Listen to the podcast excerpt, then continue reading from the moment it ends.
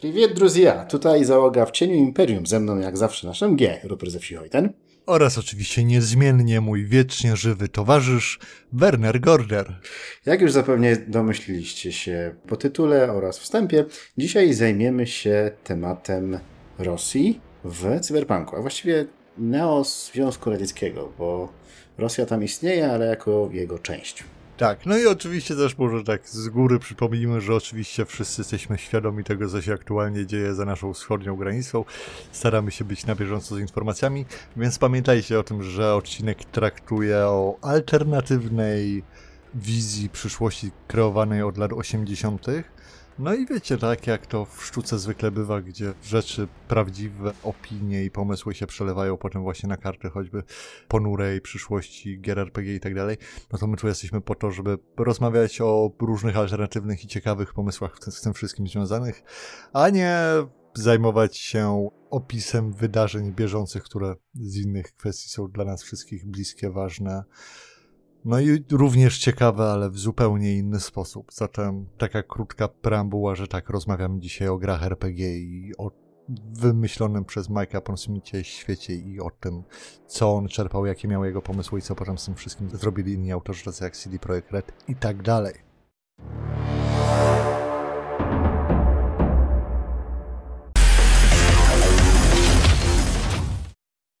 Wydaje mi się, że z tego wszystkiego najciekawsze jest to, znaczy z perspektywy osoby, która no, jest sobą i żyje w tym miejscu na świecie, w którym żyje, jak bardzo mało Mike Ponsmith w tych latach 80. w ogóle wiedział o naszej części świata oraz o części świata położonej od nas jeszcze bardziej na wschód. Tak, no to już odkrywaliśmy, prawda, nagrywając odcinek o Polsce w cyberpunku. No i rzeczywiście te wszystkie rzeczy, które mamy, zwłaszcza w tych pierwszych podręcznikach cyberpunka związanych e, z Związkiem Niepodległych Republik Sowieckich, ewentualnie Rosją Noworadziecką, w zależności od jakiej polskiej wersji będziemy trzymali. No to są takie rzeczy, które mógł ktoś bardzo pobieżnie wyciągnąć i tak po prostu napisać. No a może rzeczywiście wypadało powiedzieć, co tam rzeczywiście było napisane, jaka jest ta alternatywna historia Rosji, a w zasadzie Związku Sowieckiego od lat 90. uniwersum cyberpunka. Tak, bo ten punkt podziału między prawdziwą historią a historią cyberpunkową tamtego regionu świata zaczyna się w czasach rządów Gorbaczowa i Pierestrojki. Mianowicie no, na początku lat 90. nie mamy puczu Janajewa, nie mamy rozpadu ZSRR jest za to kontynuacja tejże pierestrojki i przekazanie władzy facetowi, który nazywa się Andrzej Gorburiew, który tą pierestrojkę kontynuuje i doprowadza ostatecznie po jakichś tam zawirowaniach wewnętrznych do powstania tworu, który ma się nazywać Sojusz Sowremiennych Sowieckich Republik, czyli przekształconego, właśnie tak jak mówiłeś, tutaj po polsku funkcjonują dwie różne nazwy, Związku Radzieckiego, który jednak miał być bardziej wspólnotą gospodarczą, w ramach których funkcjonuje 15 niby nie do końca, ale jednak niepodległych państw narodowych, z grubsza, bo tam różne mniejszości i tak dalej, które miały utrzymywać wspólną armię, wspólną politykę zagraniczną i komitet centralny. Jak to ma być Unia Wspólnych? No, no nie wiem, no ale miało to jakoś działać przez co najmniej no, dekadę, tak około, bo następna zmiana pojawia się dopiero pod koniec lat 90. No i tutaj takim dużym czynnikiem, który to wszystko zmienia i rzeczywiście wprowadza ten nowy sojusz w realia W XXI wiek. Tak, w XXI wiek i w realia cyberpunka jest de facto prywatyzacja Sowoidu czyli wielkiej korporacji radzieckiej de facto, która oczywiście dysponuje dostępem do tych wszystkich złóż, ropociągami, rafineriami i wszystkim tym, co czerpie z maczuszki Rosji, aby to sprzedawać, obracać pieniądze. Dla wąskiej grupy było nie było oligarchów, którzy wszyscy tam zarządzają, są na tych szczeblach dyrektorskich. Taka ciekawostka tutaj, podręcznik ani słowem się nie zająknął na temat energii atomowej. W ogóle instytucji takie jak cyberpunkowy odpowiednik Rosatomu. No, zakładamy, że to jest też Sofoil, no ale Sofoil ma się zajmować właśnie tymi bardziej płynnymi węglem, tego typu rzeczami. O atomie nikt nic nie mówi. Jednak e, rzeczywiście właśnie Sofoil staje się taką prawdziwą cyberpunkową korporacją dzięki temu wszystkiemu, co oznacza, że na dobrą sprawę nie podlega państwu dużo bardziej. Teraz państwo jako, czy to Rosja, czy Związek Radziecki, jak, jak, jak będziemy to nazywać, jak będziemy na to patrzeć, to jest troszeczkę nieistotne. Układ władzy jest podzielony między te instytucje państwowe, jakiegoś tam prezydenta i rady, komitety, podobne rzeczy. Właśnie korporacje w postaci Sowoilu, który jest wielkim właścicielem ziemskim, posiada większość tych ważnych rzeczy poza głównymi miastami związanymi z różnej maści złożami surowców energetycznych. I jest takim właśnie typowo korporacyjnym państwem w państwie, ale też poza państwem, bo jako korporacja realizuje swoje interesy poza granicami nowego Związku Radzieckiego i te interesy nie zawsze muszą jakby służyć temu Związkowi Radzieckiemu, bo mamy nawet w Cyberpunk Red taką informację, jak to właśnie ta korporacja po prywatyzacji zaczyna przypominać pozostałe wielkie korporacje lat dwudziestych cyberpunkowych, czyli no po prostu korporacja skupiona na tym, żeby wyciągać maksimum pieniędzy dla siebie i poszczególne szczeble tej korporacji oczywiście robią to wszystko dla siebie, a to skąd ta korporacja się wywodzi, jakie tam ma tradycje, gdzie teoretycznie, geograficznie przynależy, jest jak najbardziej drugorzędne w tym wszystkim. Z drugiej strony Sofoil jednocześnie jest czynnikiem stabilizującym neozwiązek radziecki, no bo ponieważ Sofoilowi nie jest na rękę, żeby ten twór się rozpadł, ponieważ kierownictwo Sofoilu i w ogóle jest bardzo zrośnięte z danym tworem i dość jednak zależne od tych zasobów naturalnych, które znajdują się na tym terenie, który notabene obejmuje bodajże jedną piątą powierzchnię Ziemi, więc tak, no bardzo przydatne jest mieć nad nim jakąś kontrolę w całości, w związku z czym Sofoil od dawna stara się jednak trzymać te dokupy i interweniuje czasami dyplomatycznie, czasami za pomocą środków specjalnych, we wszelkie możliwe ruchy separatystyczne, które pojawiają się na terenie Neozwiązku Radzieckiego. Co ciekawe, do swojej pozycji Sofoil sam doszedł przeprowadzając pucz bo najpierw było tak, że jeszcze pod koniec lat 90., na początku 2000 został przeprowadzony taki pucz, który nazywał się Knights of Fire, gdzie byli komuniści razem z byłymi ludźmi z KGB, których wyrzucono, bo przecież głasnost i pierestrojka, postanowili spróbować jeszcze odzyskać władzę w tym neo-ZSRR i przywrócić ten stary ZSRR.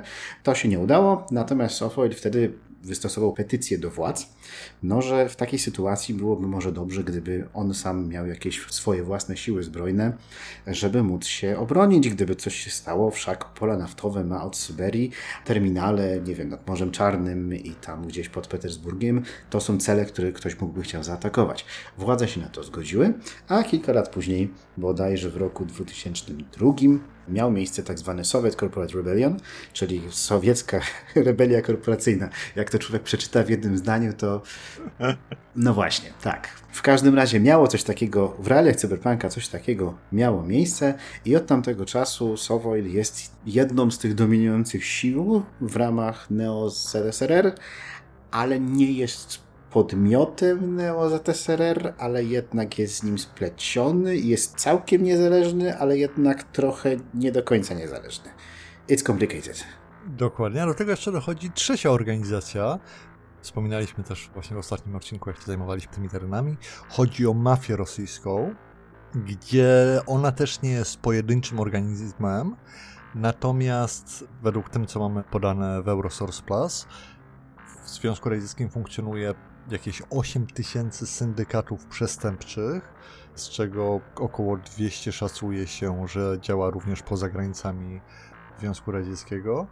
Jakieś 80% wszelkiej maści przedsiębiorstw Rosji płaci rozmaite haracze czy łapówki właśnie dla grup przestępczych i ocenia się, że 40 do 70% policjantów, zwłaszcza na tych niższych szczeblach, jest skorumpowana. Więc ten podział władzy mamy tę władzę państwową, mamy władzę korporacyjną, no i mamy władzę przestępczą i oczywiście... To się nazywa prawdziwa przestępczość zorganizowana. Tak. I oczywiście te władze się do pewnego stopnia na różnych szczeblach przenikają, ale tak najbardziej w tym wszystkim chyba uszeregowana i jakaś taka zarządzana relatywnie efektywnie jest właśnie ta władza korporacyjna, bo przestępcach, no to mamy informację, że tak, gdyby oni rzeczywiście wszyscy działali pod jednym parasolem, to byliby na pewno jedną z tych trzech głównych sił. Natomiast z racji tego, że są tak bardzo podzieleni i głównie są, zajmują się tym, żeby walczyć o swoje wzajemne terytoria, no to są po prostu takim inwentarzem, z którym trzeba żyć. I teraz całe to społeczeństwo jakoś między tymi trzema głównymi ośrodkami władzy musi egzystować i prawda przechodzić z jednego do drugiego i na pewno są jakieś wspólne interesy na różnych szczeblach, ale to może być bardzo zmienne, kto, kiedy, z kim i dlaczego współpracuje. De facto jest jeszcze czwarte takie źródło władzy, które jest tylko wspomniane na marginesie, ale chodzi o kwestię religijną i fakt, że ten kościół prawosławny utracił sporą część władzy na rzecz rozmaitych sekt i lokalnych guru rosyjskich, którzy w jakiś sposób zarządzają, zwłaszcza na wsiach poza dużymi miastami, tymi swoimi mm, nie wiem, kołchozami, miasteczkami, cokolwiek tam jest. Więc to może być jakby kolejny taki ciekawy element tego, który sprawia, że właśnie mam taką straszną szachownicę tego, kto komu odpowiada, kto z kim czuje przynależność, bo no, możemy zakładać, że tam nazwijmy to, że wszyscy są Rosjanami, chociaż kwestia etniczna to już jest... Nie, nie są Rosjanami. No, no właśnie, nie są, do tego dojdę za chwilę. Kwestia etniczna to już jest jakby kolejna sprawa, ale abstrahując na chwilę o samej kwestii etnicznej, o której samej można napisać, zresztą na pewno napisano wiele książek na o tym w naszym świecie, no to poszczególne postaci właśnie w tym no, nowym sojuzie mogą wychodzić z tych wszystkich trzech czy nawet czterech grup i na różnych poziomach mieć swoje sympatie i antypatie, a oraz oczywiście jest fakt tego, jak to się przekłada na ich doczesne i aktualne interesy i potrzeby.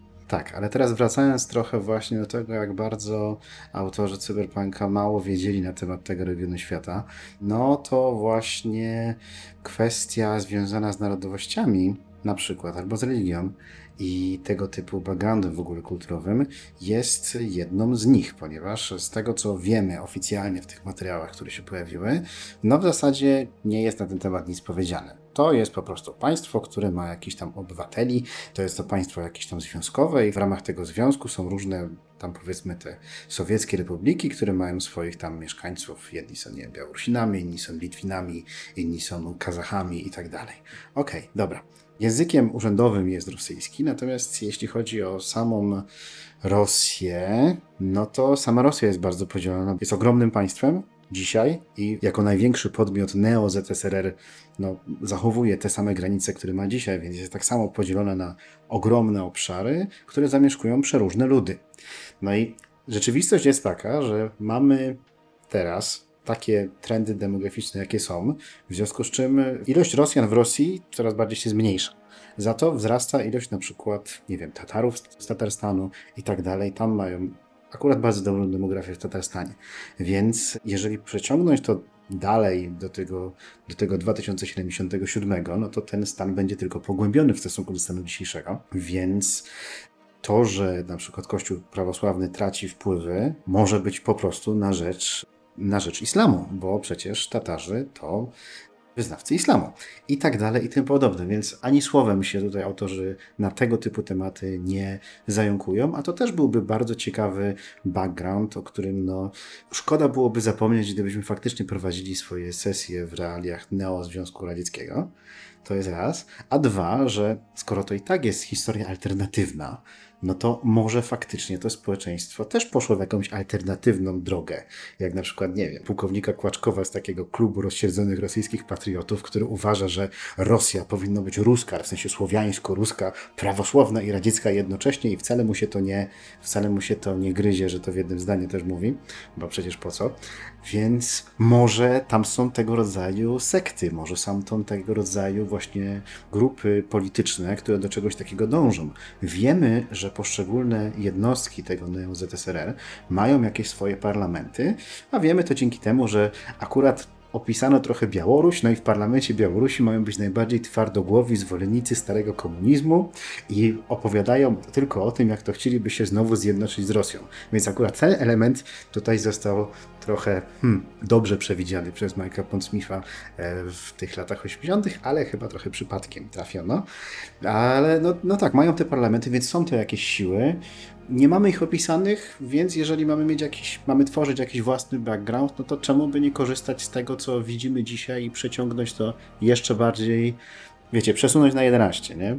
Tak, a propos właśnie przewidywania i kwestii demograficznej, to której jedna informacja propos tego, jak autorzy się rozjechali z rzeczywistością, mhm.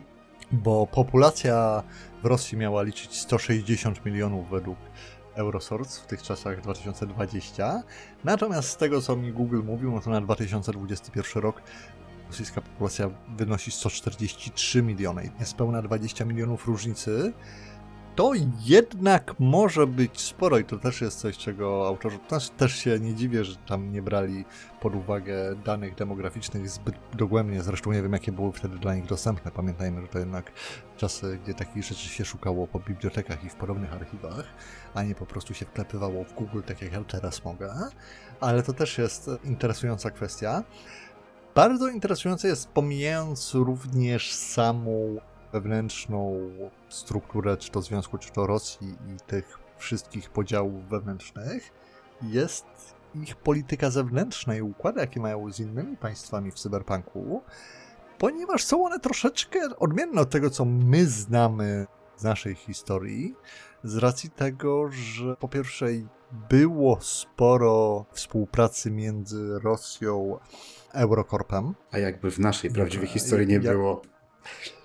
No. Znaczy, to inna kwestia, ale, no. chodzi, ale chodzi mi o to, że wiesz, e, ona się relatywnie dobrze rozwinęła i na swój sposób dalej trwa, jak patrzymy dalej na linię fabularną cyberpunka. To tak. Swoją drogą jest ciekawa informacja jeszcze taka propos przewidywania przyszłości, bo mamy informację o wspólnej misji załogowej Eurosource i tego nowego sojuza związanego z misją na Marsa i w ramach tej misji przeprowadzono eksperymenty, aby no, genetycznie modyfikować i tworzyć ludzi, w sensie zarodki, które będą lepiej znosiły kwestie związane z, czy to z podróżą kosmiczną, czy z zasiedleniem innych planet. No i eksperyment był oznaczony kryptonimem zielonych ludzików które właśnie miało być tworzone jako ta nowa, lepsza wersja kolonistów w jakimś tam zakresie chyba się powiódł, bo mamy tam też takie małe skrawki informacji, że rzeczywiście coś tam wyciekło potem do mediów i że powstały jakieś zarodki modyfikowane genetycznie, które miały sobie potem lepiej radzić na tym Marsie. Cześć! Chcesz wspomóc nasz kanał i zdobyć prawdziwą mapę do Warhammera? Zostań naszym patronem, a oprócz wiecznej chwały zdobądź szansę na wygranie jednej z trzech map od kartografii niepraktycznej, drukowanych na prawdziwej bawełnie przez Rare Printed Gear. Z taką mapą kobiety będą mdlało na twój widok, wojownicy chaosu zejdą ci z drogi, a sam Cinch wyprostuje ścieżki, po których stąpasz. Dobra, wracamy do odcinka. Tak, no Neo ZSRR, no właściwie nie Neo ZSRR, tylko Soft Oil, zaangażowanym był w drugą wojnę korporacyjną, za to w czwartą już nie bardzo jeśli dobrze pamiętam, i tylko tam starał się sprzedawać każdemu to, co chciał kupić każdy. Więc y, tak.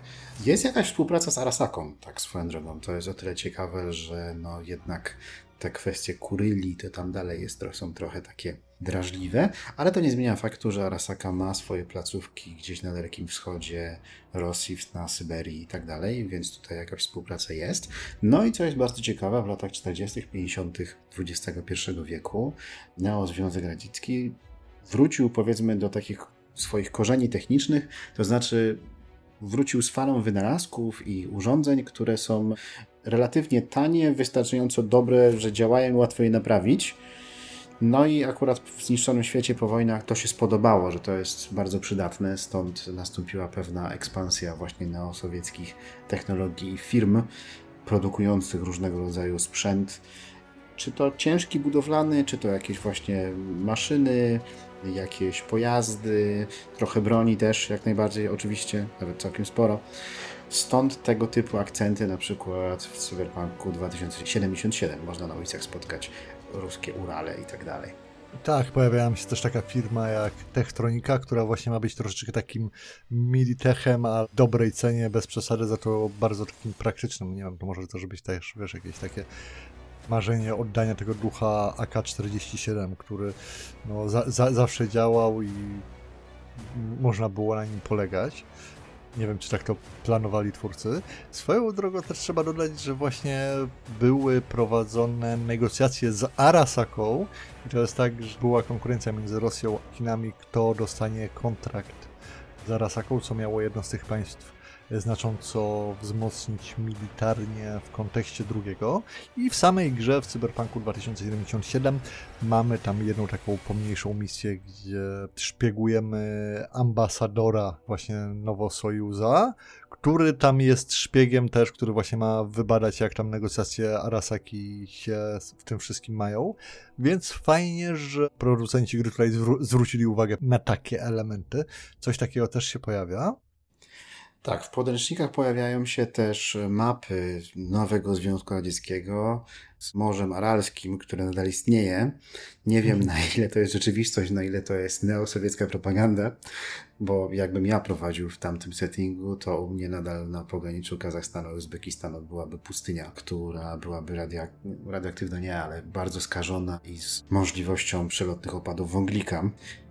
Jeśli chodzi o inne miejsca w Neozwiązku Radzieckim, no to wcale nie jest też jakoś szczególnie wspaniale, ponieważ jest to kraj, który jest ogromny, ale w dużej części, tak jak prawdziwa Rosja, zanieczyszczony bardzo, bardzo skażony. Miało miejsce oczywiście też katastrofa w Czarnobylu, w związku z czym zona tak istnieje. Jest Są... jeszcze gorsza niż naprawdę, bo przecież Amerykanie to pisali. Dokładnie. Natomiast największymi centrami oczywiście tego kraju są ogromne miasta. W pierwszym rzędzie oczywiście Moskwa, w drugim Sankt Petersburg, trzeci jest Kijów, potem Taszkent swoją drogą. To są wielkie, Moskwa ponad 10-milionowe metropolie, kosmopolityczne, po części korporacyjne i tak dalej i tym podobne. Także weźcie sobie współczesne patologie dojeżdżania do pracy do rosyjskiego Mordoru, pomnożcie razy milion, tylko CEO będą latali aerodynamidami w tych korkach, jak będziecie wystali. Tak. Tutaj dodając do kwestii geograficznych, jak coś to Mike Pondsmith uznał, że w jego 2020 Krym jak najbardziej jest ukraiński. Za to Mołdawia ma separatyzm naddniestrzański. No, Wiesz jak jest. Właśnie co do samej powiedzmy ziemi, tych terenów rosyjskich, rzeczywiście w tych starych podręcznikach mamy informacje o tym, jak to Oil jest znane z tego, że tam jest dużo tych wycieków ropy, jak oni jeszcze ropę wydobywają, bo potem przechodzą na uprawianie zbóż pod Chutu, i te nowe paliwa, ale jeszcze wtedy, kiedy rzeczywiście są potęgą związaną z wydobyciem ropy, to z tych wszelkich ro ropociągów pojawia się mnóstwo wycieków i katastrofy ekologiczne się zdarzają cały czas i są zamiatane pod dywan, więc takie rzeczy, które znamy notabene z drugiej strony świata, prawda, Deepwater Horizon, BP podobna. No ale Na... w Rosji Sowieckiej i tak dalej takie rzeczy się jak najbardziej działy, więc to, tak. tak. Ja nie mówię, że się dalej nie dzieją, za to fajna i interesująca na swój sposób jest kwestia tego, że jeżeli przechodzimy właśnie z tych lat dwudziestych i starego cyberpunka, realia cyberpunka 2077, to ta Rosja jednak w jakiś tam sposób staje na swoich nogach i ma też swoje zalety, co jest też interesującym wiesz, przedstawieniem tego wszystkiego. Mamy na przykład dostęp do drzazgi w, Cyberpunku 2077, w której jest opisana kwestia dostępu do opieki medycznej. Jest fragment o tym, jak że to w Rosji te wszystkie afałki w stylu Traumatim, bioróżne operacje i wszelkiej maści, wiecie, te nowoczesne technologie medyczne są nie tylko dostępne, ale jak najbardziej są dostępne dla normalnych obywateli. Można z tego wszystkiego korzystać. Nie trzeba opłacać Traumatim Platinum, żeby ktoś cię załatał, tylko że po prostu to się dzieje, że normalna, znacjonalizowana służba zdrowia może działać i funkcjonuje używając tych najnowszych technologii. Oczywiście ta drzazga, do której mamy dostęp, to też może być kwestia propagandy. Dalej Rosja jest na pewno takim światem kontrastów, ale jest tam element tego właśnie co Amerykanie na, nazywają socjalizmem, czyli prawda, jakichś tam usług, które po prostu działają niezależnie, czy to osobiście za nie płacisz, czy nie. Co też jest w tym wszystkim moim zdaniem interesującym elementem, zwłaszcza w kontraście do tego, jak wygląda Night City, prawda, lat 2020-77. No ale no właśnie, no nie widzieliśmy tego nigdy w żadnym ani podręczniku, ani sourcebooku, ani nic takiego, więc to jest tak z drugiej, z trzeciej ręki tylko i wyłącznie. No natomiast miejsce na to, żeby wypełnić Neozwiązek Radziecki wszelkiego rodzaju własnymi no, przewidywaniami na temat przyszłości tamtego regionu świata jest. Jest go bardzo dużo. Jak to powiedziano w korporacji, widać tutaj potencjał wzrostu. O. Więc krótka piłka. Jest bardzo mało opisane. Nic tylko wypełniać własnymi pomysłami. Jak najbardziej. Też myślę, że właśnie fajnie byłoby czerpać, wiesz, inspiracje z tych wszystkich komunistycznych i socjalistycznych pomysłów budowania lepszego świata dla wszystkich. Tylko, wiesz, że akurat to wiemy, że oni to odrzucili.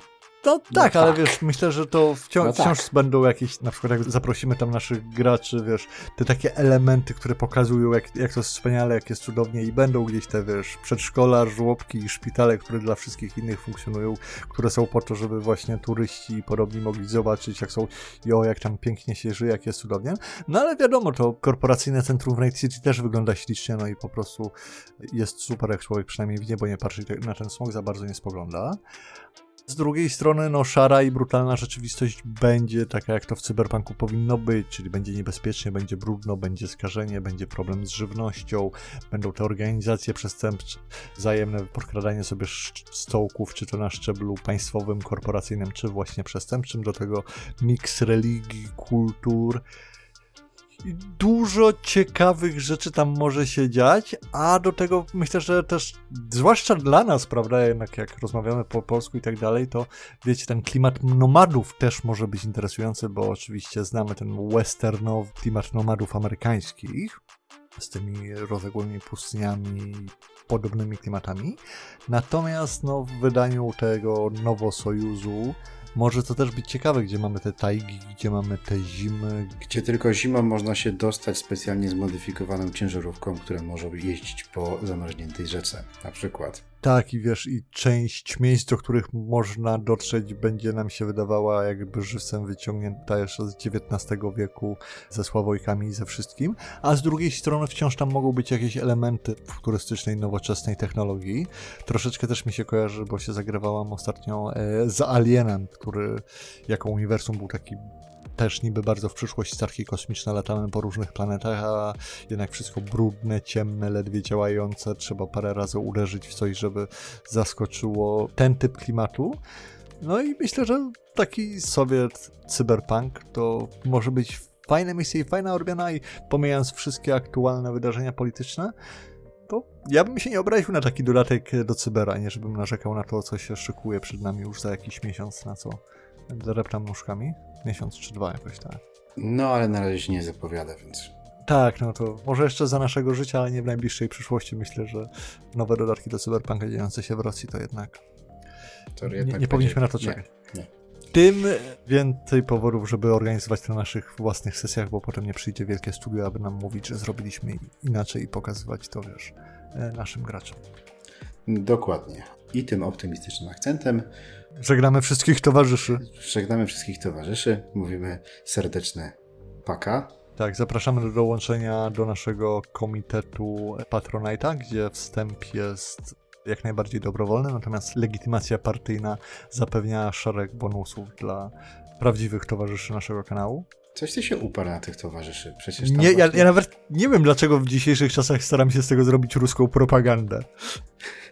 Przecież tam właśnie w ramach głasności i pirestrojki z tego zrezygnowano. Tam już nie ma mam, jednej partii. Mam, mam swoje skojarzenia. Takiej mam, partii. Jest inna swoje... jedna partia. Partia są w Oilu i oligarchowie. Wyrażaj jest, się. Jest jeszcze ta no, noworadziecka partia. No jest, nowosowiecka, ja, no, tak, tak. No tak. właśnie. I się to wszystko kojarzy z jednym. No co ja mam powiedzieć? W Polsce się urodziłem. Wiemy jak jest. No, no dokładnie. Także zapraszamy Was też na naszego Discorda. My się z Wami żegnamy i do usłyszenia w przyszłym tygodniu. Jak? Jak nasz kanał będzie wiecznie żywy jak Lenin. Tak. Ja to się cieszę z tego, że możemy zrobić jaja i nikt nie przyjdzie nas nie zastrzeli. I tego się trzymajmy. Radość w ciężkich czasach też jest potrzebna. Paka, paka.